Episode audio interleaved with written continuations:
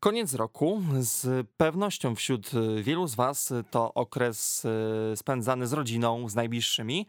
I ciekaw jestem, czy zgodnie z naszym redakcyjnym pomysłem temat naszego pochodzenia, naszej historii, to, co teraz może wam w umyśle nasuwać hasło genealogia, no czy jest to u was obecne? I dzięki rozmowom, które teraz dla was przeprowadzamy, staramy się was wprowadzić, mimo już nikt nie pytał w cudzysłowie, że jednak warto o tym wszystkim e, właśnie porozmawiać, dopytać. I moim dzisiejszym gościem, który z pewnością na wiele pytań z dziedziny genetyki, ale zwłaszcza z takiej biologicznej, genetycznej perspektywy odpowie, jest e, obecnie pracownik naukowy Uniwersytetu Przyrodniczego we Wrocławiu, doktor habilitowany inżynier Maciej Osiembłowski. Dzień dobry, panie profesorze.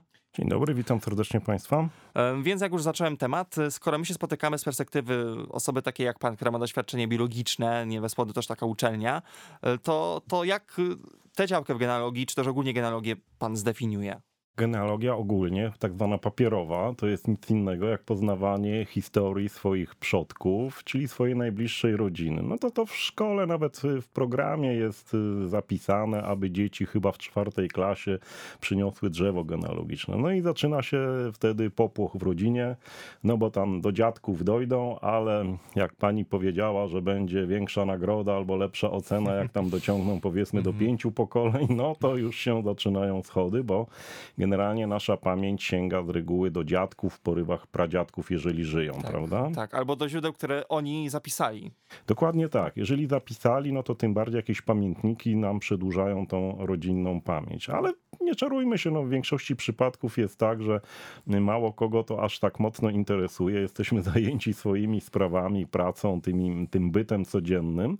W związku z tym, no w rodzinach z tym bywa różnie. No ale warto jakby zwrócić uwagę na takie zjawisko, które chyba od paru czy parunastu lat się pojawia, że coraz więcej osób tak jakby z własnej nieprzymuszonej woli zaczyna grzebać w tej e, swojej rodzinie, w jakichś zależnościach, powiedzmy wujek, ciocia, stryj, bo to też są różnice, prawda?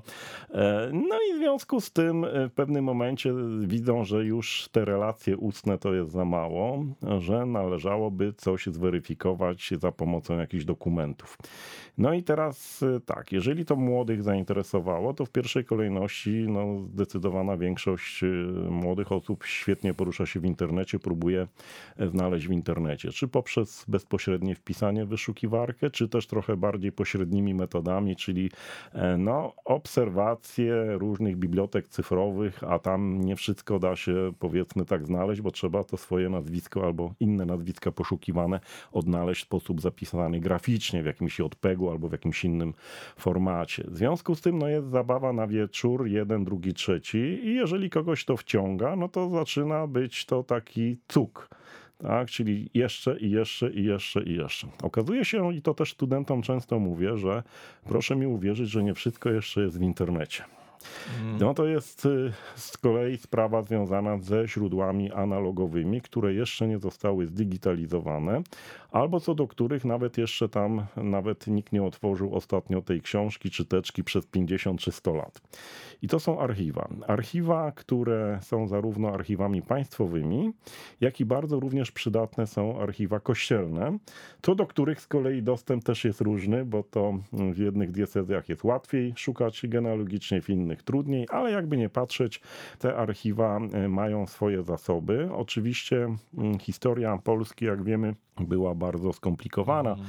Tutaj ze względu na ten wschodnio-zachodni kierunek, gdzie nie ma żadnych gór, to te armie, czy niemieckie, czy rosyjskie, to tu sobie maszerowały, paliły i niszczyły, tak. więc bardzo dużo też zasobów archiwalnych, zwłaszcza podczas II wojny światowej, spłonęło i nie ma w zasadzie po mhm. nich śladu. No ale te, które się zachowały, można w nich poszukać i to też jest bardzo tak, ciekawe. Ale żeby tak łatwo nie było, Wrocław jest też miastem, które ma, nie ma co ukrywać, no, osobną jakby epokę do roku 45, tak? No i od 35 już w obecnych granicach polskich. No dokładnie tak. To nawet y, jak wydawaliśmy tutaj w 2015 roku taką książkę o historii regionalnej pod moją redakcją, a mianowicie Wrocław Pawłowice, bo tam mieszkam, to jest za Psim Polem, czyli ho, ho, ho, daleko jeszcze.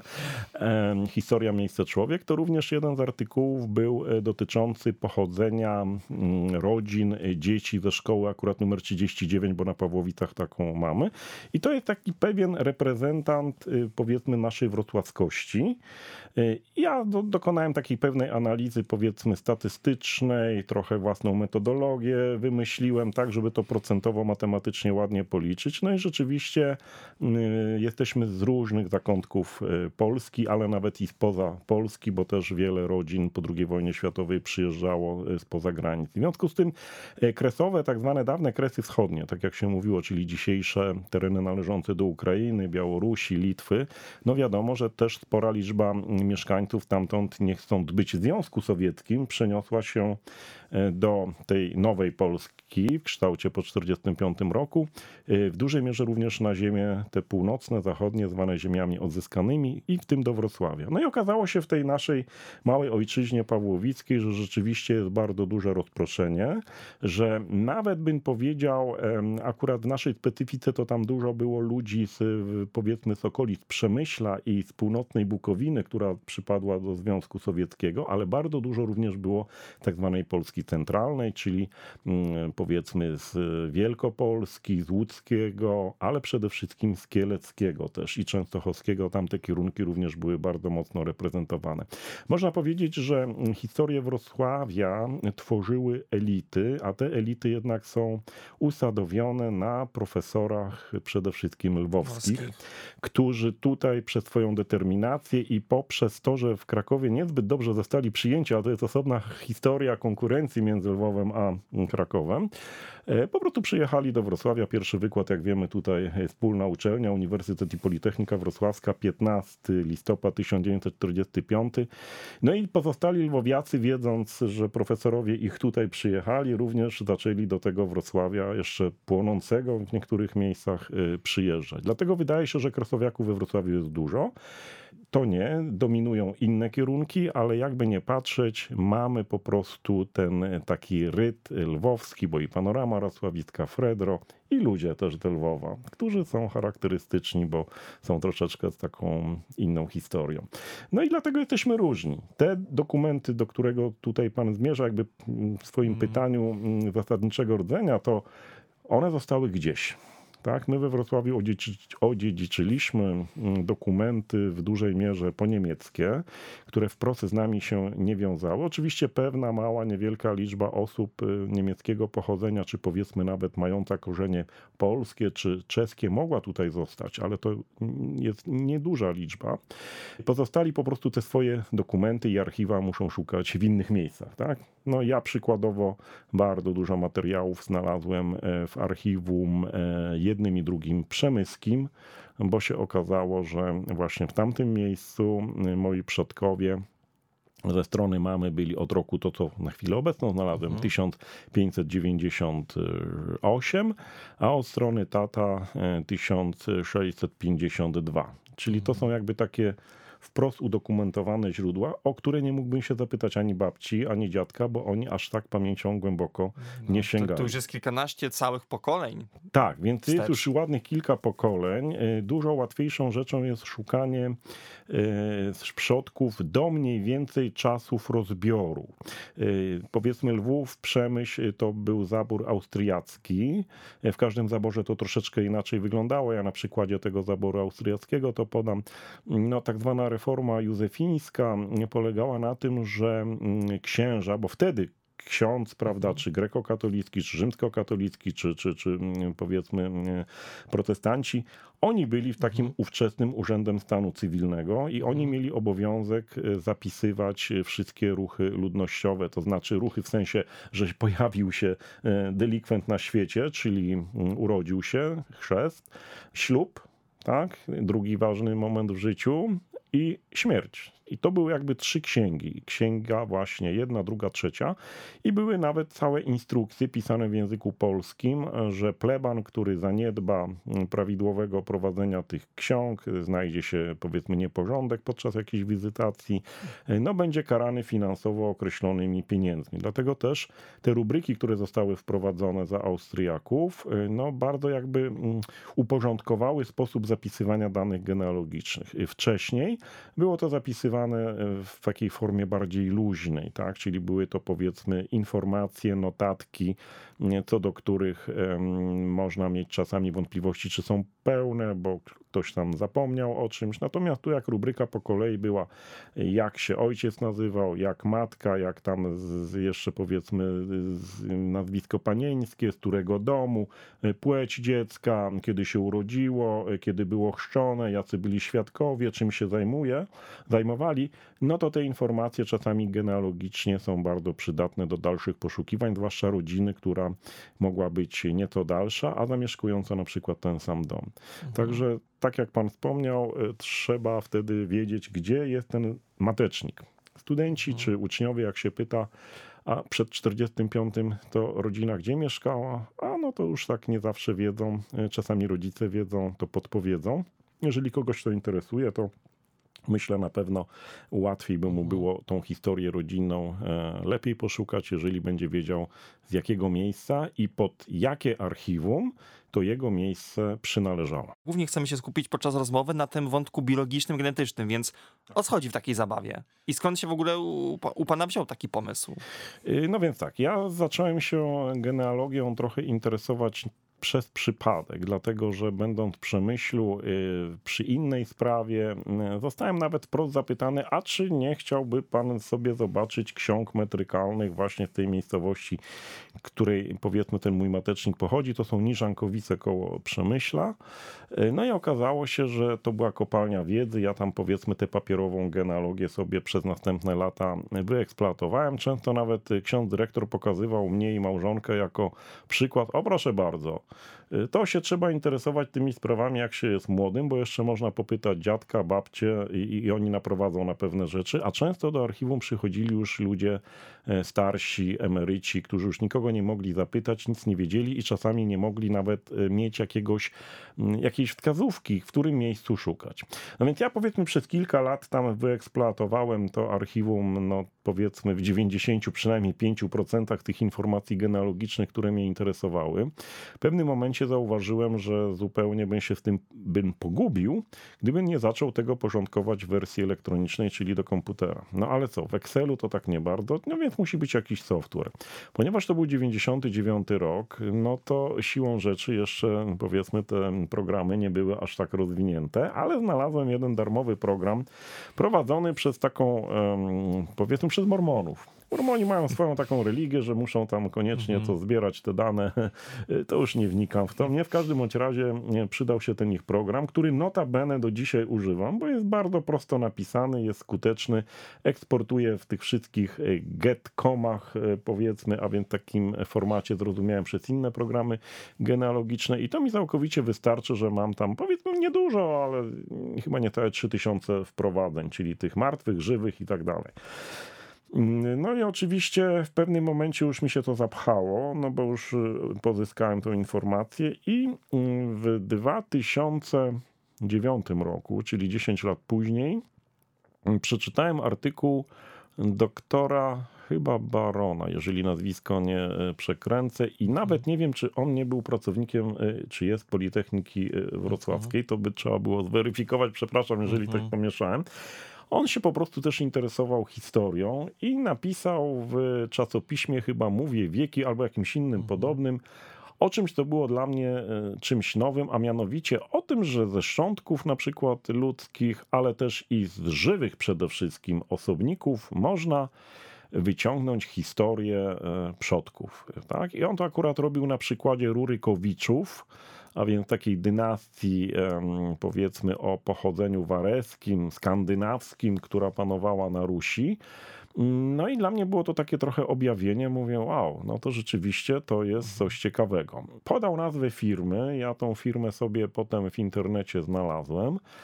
To akurat była firma, która istnieje. Jak kogoś to interesuje, są oczywiście cała masa różnych firm. Ja akurat y, byłem i pozostałem już do dzisiaj przy firmie Family Tree DNA, więc jak ktoś sobie wpisze, to może sobie zobaczyć. Są na pewno w tej chwili lepsze i tańsze firmy, no ale powiedzmy, to była ta mhm. pierwsza firma. I oni wysyłali do każdego, kto był tym zainteresowany, y, pojemniczki do pobrania materiału genetycznego. Tu oczywiście jest śliski temat, bo wiele osób w tej chwili, zwłaszcza w dzisiejszych mhm. czasach, no, bardzo chroni swoją prywatność, tak. dane osobowe, dane biologiczne i tak dalej, które mogłyby teoretycznie być wykorzystane w niecnym celu i nie wiadomo jak kiedyś korporacje mhm. na Ziemi będą funkcjonować, czy będą nas testować, oby nie y, pod kątem jakichś y, wyróżników, nie wiem, pracowitości tak. albo jakichś mniejszej Albo czy nas ubezpieczą, bo mamy ryzyko chorób i tak, tak dalej. Się mówi o takich zagrożeniach. Nie wiemy jak to będzie. Być może to zostanie bardzo mocno uregulowane i ta możliwość, to okno możliwości testowania się takiego taniego zostanie ukrócone. Oczywiście, jeżeli ktoś się tego boi, ma opory, to niech tego nie robi, bo to nie ma mhm. sensu. Natomiast ci, którzy się tego nie boją, a chcieliby jeszcze wykorzystać, to, to, to jeszcze jest to możliwe. Z tego, co wiem, we Francji są już jakieś ograniczenia, bo to wynika z po prostu dużej liczby dzieci nieślubnych, mm. inaczej pozamałżeńskich, o których mm. ojcowie nawet nie wiedzą, a te testy mogłyby trochę powiedzmy pokomplikować sytuację rodzinną, więc tam państwo bardziej się tym mm. opiekuje. W Polsce tego nie ma. Oczywiście też trzeba liczyć się z tym, że mm, badania genetyczne mogą doprowadzić do pewnego rodzaju niespodzianek w rodzinie, bo już może się okazać, że co innego mamy w papierach, a co innego biologia wykaże. No i teraz y, co tam można badać biologicznie? Są jakby trzy podstawowe takie grupy mm, analiz. Powiedzmy najmniej przydatna, ale nie mówię, że najgorsza. Jest to analiza tak zwanego mitochondrialnego DNA, a więc y, takiego materiału genetycznego, który jest zapisywany w mitochondriach. Tam za dużo tych par bazowych nie ma, tam jest chyba 16-17 tysięcy, ale jest to wystarczające do pewnych prostych, ogólnych analiz dziedziczenia w prostej linii żeńskiej. E, dlaczego w żeńskiej? Dlatego, że mm, po prostu od, każdy osobnik od swojej mamusi otrzymuje e, właśnie to mitochondrialne DNA. I nawet są takie książki Pramatki Europy, mhm. gdzie jest kilka głównych haplogrup, na przykład H, albo jakaś inna literka. No to jest jakby ciekawe, ale mm, z praktycznego punktu widzenia, na przykład badania e, historii nazwiska, no to przy naszym tym powiedzmy takim patriarchalnym systemie, gdzie nazwisko jest dziedziczone po ojcu, no to jest trochę ciężka sprawa, bo y, prawda, co pokolenie, jeżeli za mąż kobieta wychodziła, a, a w dawnych czasach to było wręcz powszechne, że zmieniała nazwisko, no to odnalezienie tych śladów jest dość trudne. Y, bardziej ciekawe z takiego, bym nawet powiedział, historycznego punktu widzenia było analizowanie chromosomu Y u mężczyzny, no bo u facetów to jest tak, że praktycznie ten chromosom Y niemalże, mm. z naciskiem na niemalże, niemalże. niezmienionej postaci jest dziedziczony z ojca na syna i jest taką żywą skamieniałością biologiczną, z której mamy zapisaną historię w dużej mierze wędrówek naszych przodków. E, I teraz właśnie te malutkie zmiany, które następują w tym chromosomie na skutek różnych zjawisk związanych powiedzmy z mutacjami, a to jest osobny temat, co powoduje te mutacje, bo i powiedzmy w dzisiejszych czasach zanieczyszczenie środowiska szybciej to robi, woda, która może być zanieczyszczona, stres, różne są hipotezy, powodowało, że ten wspólny jakby przodek mający określony powiedzmy mm, określony haplotyp, to dzisiaj już mamy wielu jego potomków, którzy jednak się różnią. No bo Teoria jest taka, że powiedzmy 200-300 tysięcy trzeba by było w aktualnej literaturze naukowej zobaczyć, bo to co parę lat się troszeczkę zmienia. Mhm.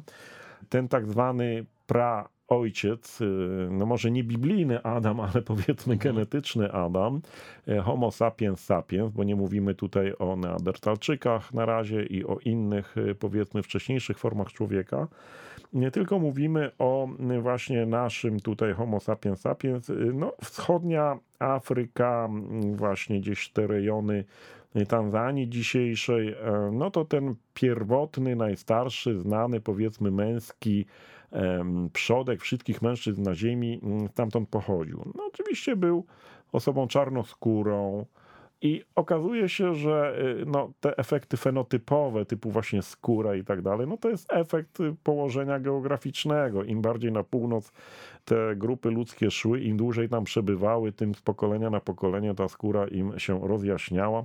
Czyli można powiedzieć, że wszyscy czarnoskórzy, żółtoskórzy, białoskórzy, czy jak to by nie nazwać, są z tego samego pnia. A więc rasizm nie ma sensu, no bo w zasadzie wszyscy jesteśmy wielką rodziną. Y, natomiast różnimy się oczywiście fenotypowo, bo jesteśmy przystosowani do warunków klimatyczno-środowiskowo-przyrodniczych, w których występujemy. Prawda? Szerokie nozdrza y, w Afryce są potrzebne do wdychania tego wilgotnego powietrza. Powiedzmy na północy, no to już tam jednak ta skóra jest biała i te nosy też inaczej. Cała masa różnic jest. No więc to, to, to jakby wiemy. I okazuje się, że mm, haplogrupy chromosomu Y wykształciły się w różnym, że tak powiem, obiegu i w różnych czasach. W tej chwili te zegary biologiczne są coraz lepiej, bym powiedział, dostrojone. Naukowcy coraz lepiej to kalibrują, a kalibrują to też między innymi za pomocą artefaktów archeologicznych, dlatego że szkielet znaleziony na przykład w otoczeniu określonych artefaktów pozwala nam powiedzieć mniej więcej e, z jakiego wieku czy z jakiego tysiąclecia e, dany pochówek nastąpił, czyli w zasadzie te wszystkie zmiany biologiczne łatwiej jest nieco dopasować do współcześnie istniejących i do bazy danych materiału genetycznego, który jest powiedzmy z roku na rok uzupełniany przez badanie szkieletów. Y, okazuje się, że neandertalczycy, bo też ludzie się o tym zastanawiali, bo było jeszcze, pamiętam, chyba 10 czy 15 lat temu nie wiedzieliśmy, czy y, Homo sapiens krzyżował się z Neandertalczykiem. No było to taką zagadką. Dopiero kości znalezione, chyba bodajże w Chorwacji, sprzed 43 tysięcy lat, plus późniejszy materiał genetyczny udowodnił, że jednak krzyżówki płodne neandertalsko-ludzkie były i w związku z tym nawet są określone testy, e, że mm, można sobie teraz zbadać, ile jest w nas neandertalczyka. To jest jakby takie trochę wyciągnięcie pieniędzy od ludzi, bo no to dobrze, no powiedzmy, że ktoś będzie miał 2% tych genów, ktoś będzie miał 5% czy 4%. Ta cała migracja ludzkości, tak, bo no to sobie można prześledzić też w internecie te informacje, informacje, jak właśnie z tej Afryki te migracje następowały. One były mhm. właśnie z przystankami dłuższymi lub mhm. krótszymi, prawda? Żyzny Półksiężyc,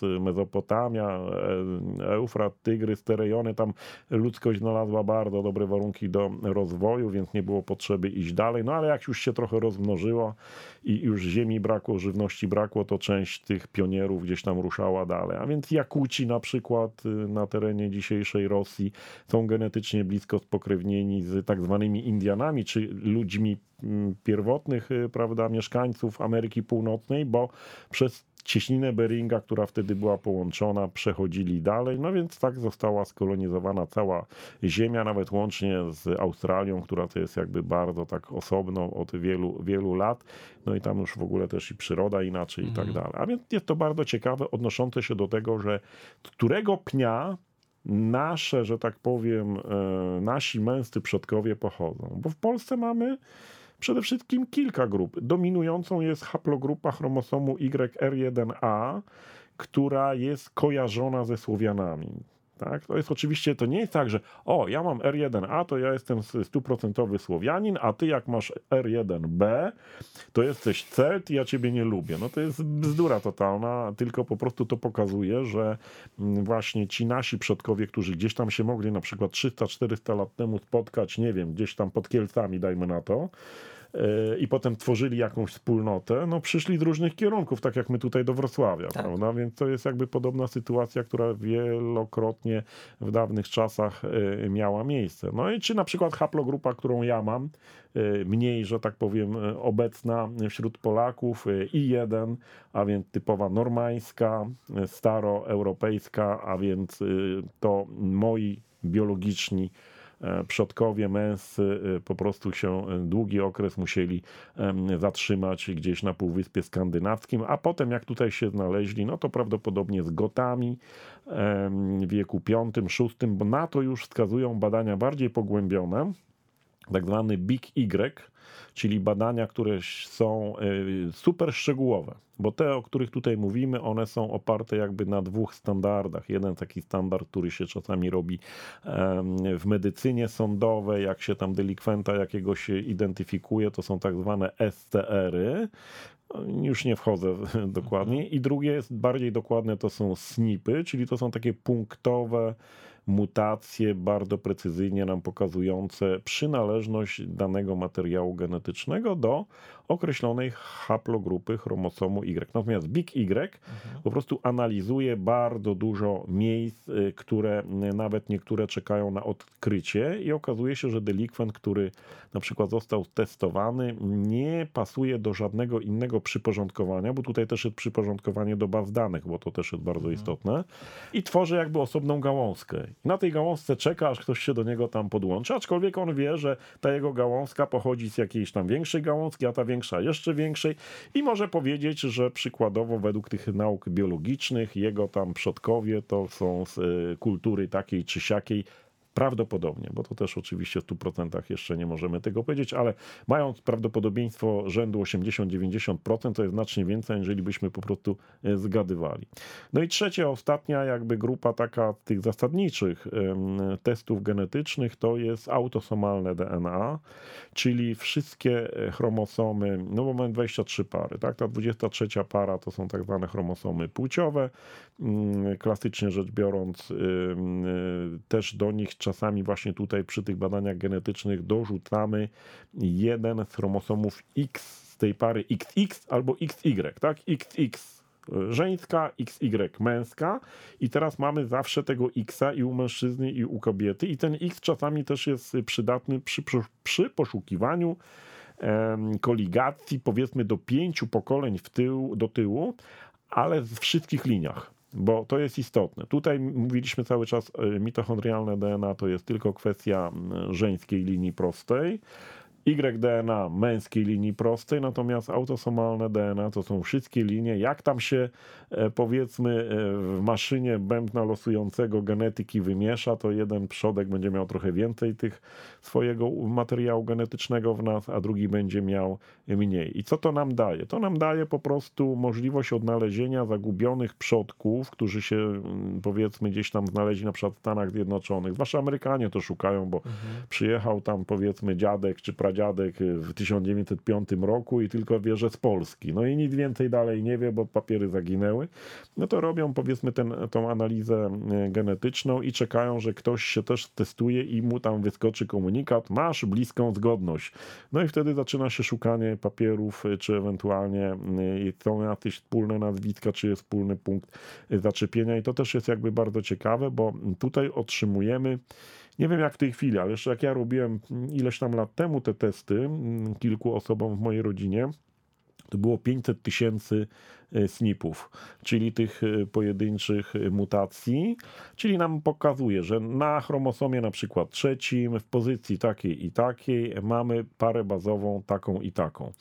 To jakby wszystko służy do znajdywania pokrewieństwa, ale również dla tych, którzy się tym interesują, a mają adres tej mutacji punktowej, mogą sobie za pomocą specjalnych programów albo po prostu po adresie RS i numer, prawda, zobaczyć, czy on, ten delikwent, który się testował, ma jakieś e, przełożenie na na przykład większą, e, większe prawdopodobieństwo, dajmy na to, nietolerancji laktozy, albo jakieś kwestie związane z określonymi e, chorobami, więc to już są kwestie, które na przykład niektóre firmy bardzo szczegółowo jakby kładą nacisk. Czyli można sobie wybrać taką firmę, która w Stanach czy w jakichś innych krajach nam stestuje nasze prawdopodobieństwo zapadnięcia na jakieś tam choroby lub predyspozycje, że w czymś jesteśmy dobrzy. Tak? Oczywiście to nie jest tak, że wszystkie najważniejsze markery będą przetestowane, bo tu trochę jest konflikt z wielkimi korporacjami, które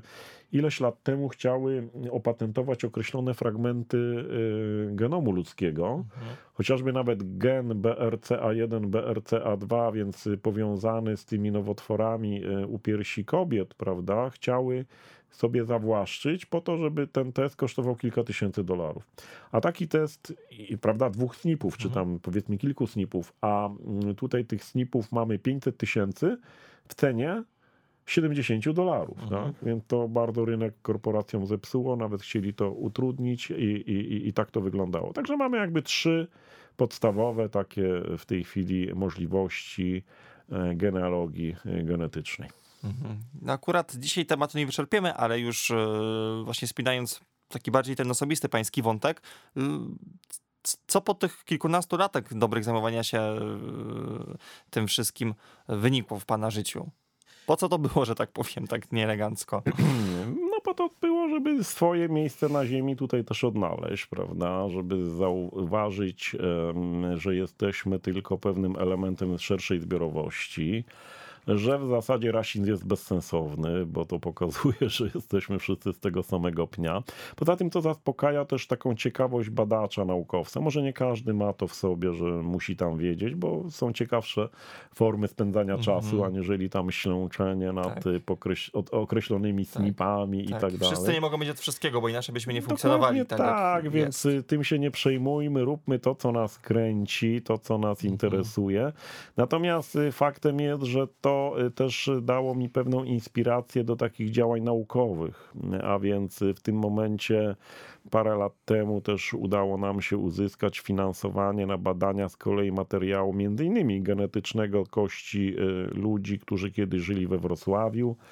Poznaliśmy trochę ich zwyczaje żywieniowe, bo też analizowaliśmy powiedzmy inne parametry, mikro, makroskładniki z tych kości, analizowaliśmy y, izotopy stabilne lekkie, węgla, azotu, tlenu e, Czyli było to też inspiracją do takich e, działań interdyscyplinarnych, naukowych, prawda? Więc nie tylko zaspokojenie pustej ciekawości rodzinnej, ale również wniesienie jakichś informacji dla szerszego grona ludzi, czyli budowania tożsamości e, Wrocławia. No bo my, no, tak jak pan wspomniał, prawda, w zdecydowanej większości od 45 roku tutaj jesteśmy. E, ja powiedzmy traktuję to jako swoje miasto, ale moja babcia to traktowała jako przejściowe, bo tam miała do tego Lwowa wracać, bo tamtąd przyjechali, prawda. Tato też przecież na ruinach Wrocławia się wychował, jeszcze tam urodzony, więc w zasadzie dopiero moje pokolenie to, tak mi się wydaje, w 100% zaakceptowało e, tą zmianę.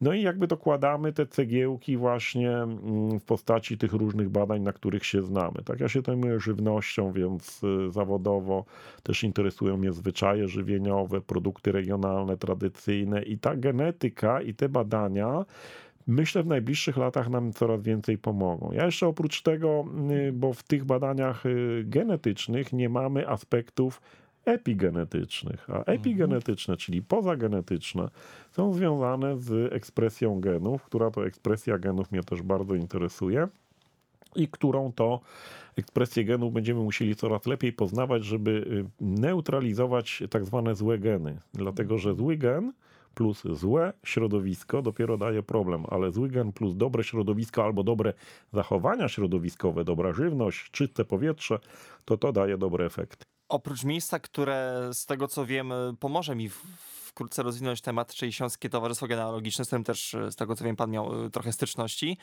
to gdzie odesłać y, tych, którzy jednak może się dzięki takim rozmowom z tego tygodnia y, na naszej antenie zaciekawią?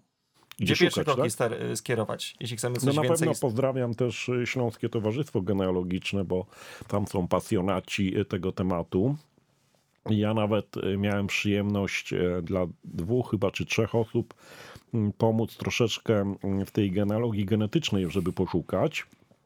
Nawet wyszło to w takim e, periodyku Parantele, mój artykuł. Ale proszę Państwa, jest też taka dość dobra grupa na Facebooku, ona się nazywa genealogia genetyczna.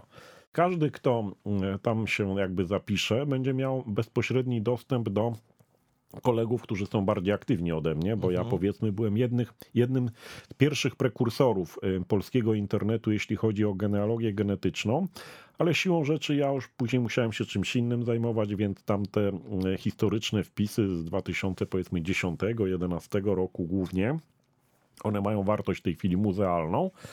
Natomiast y, jest cała masa nowych, młodych, ale też i starszych pasjonatów tego tematu z tytułami też y, naukowymi, którzy pomagają. Co więcej, są świetnymi recenzentami bym powiedział, prac naukowych, dlatego że w pracach naukowych nieraz podchodzi się w pewien sposób sformalizowany do pewnych rzeczy.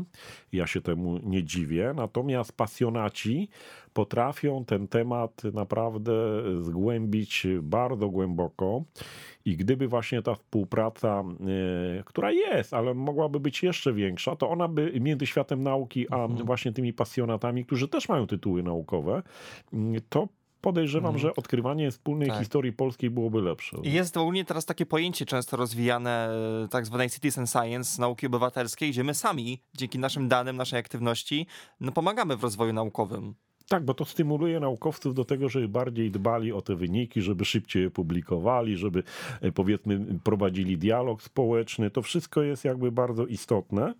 I e, w tym momencie najlepszym przykładem jest kwestia chociażby śledzona niesamowicie intensywnie przez środowisko genetycznego pochodzenia dynastii Piastów, prawda? To mhm. jest e, temat bardzo, bym powiedział, oczekiwany. Pojawiają się pomalutku badania naukowe zespołu, który dostał na to pieniądze, ale mhm. no w odczuciu wielu tak. osób powinno to wszystko tak. szybciej być. Tak. A troszeczkę później niż e, Piastowie, no teraz mamy przez no, jedną z popularnych platform e, bardzo popularne hasło, czyli rok 1670, ten, ten element historii, gdzie też może e, przez to, że to jest teraz bardzo na czasie, trochę się tej dyskusji e, więcej będzie odbywało. No na pewno, no, 1670 jest to film w zasadzie pokazujący dzisiejsze problemy w kostiumach XVII-wiecznych. Jest taką, można hmm. powiedzieć, zabawą. Tak, bo to nie jest rekonstrukcja historyczna, mówmy się od tego, jeśli ktoś nie wie. E, tak, to, to jest, jest, to jest ciekawa Ale zabawa. może to pobudzi do czegoś jednak. Tak, ale na pewno wiele osób będzie zainteresowanych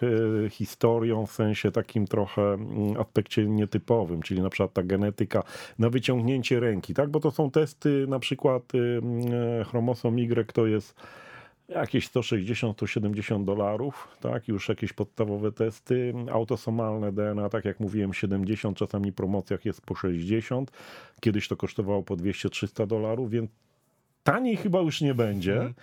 Jeżeli kogoś to interesuje, to jeszcze te testy może zrobić, znaleźć w internecie. W Polsce te testy są drogie i ważną rzeczą jest, że też nie są sprzężone z jakąś szeroką bazą danych, a tutaj te wyniki można sobie wgrać powiedzmy do jakichś uniwersalnych baz danych i próbować szukać swoich znajomych. Wiele, wiele przypadków znam, że właśnie się odnajda, odnalazły rodziny, czy powiedzmy jakiś zaginieni krewni, bo właśnie wyskoczył mecz. Zgodność na wysokim poziomie, która nie mogła zostać zignorowana.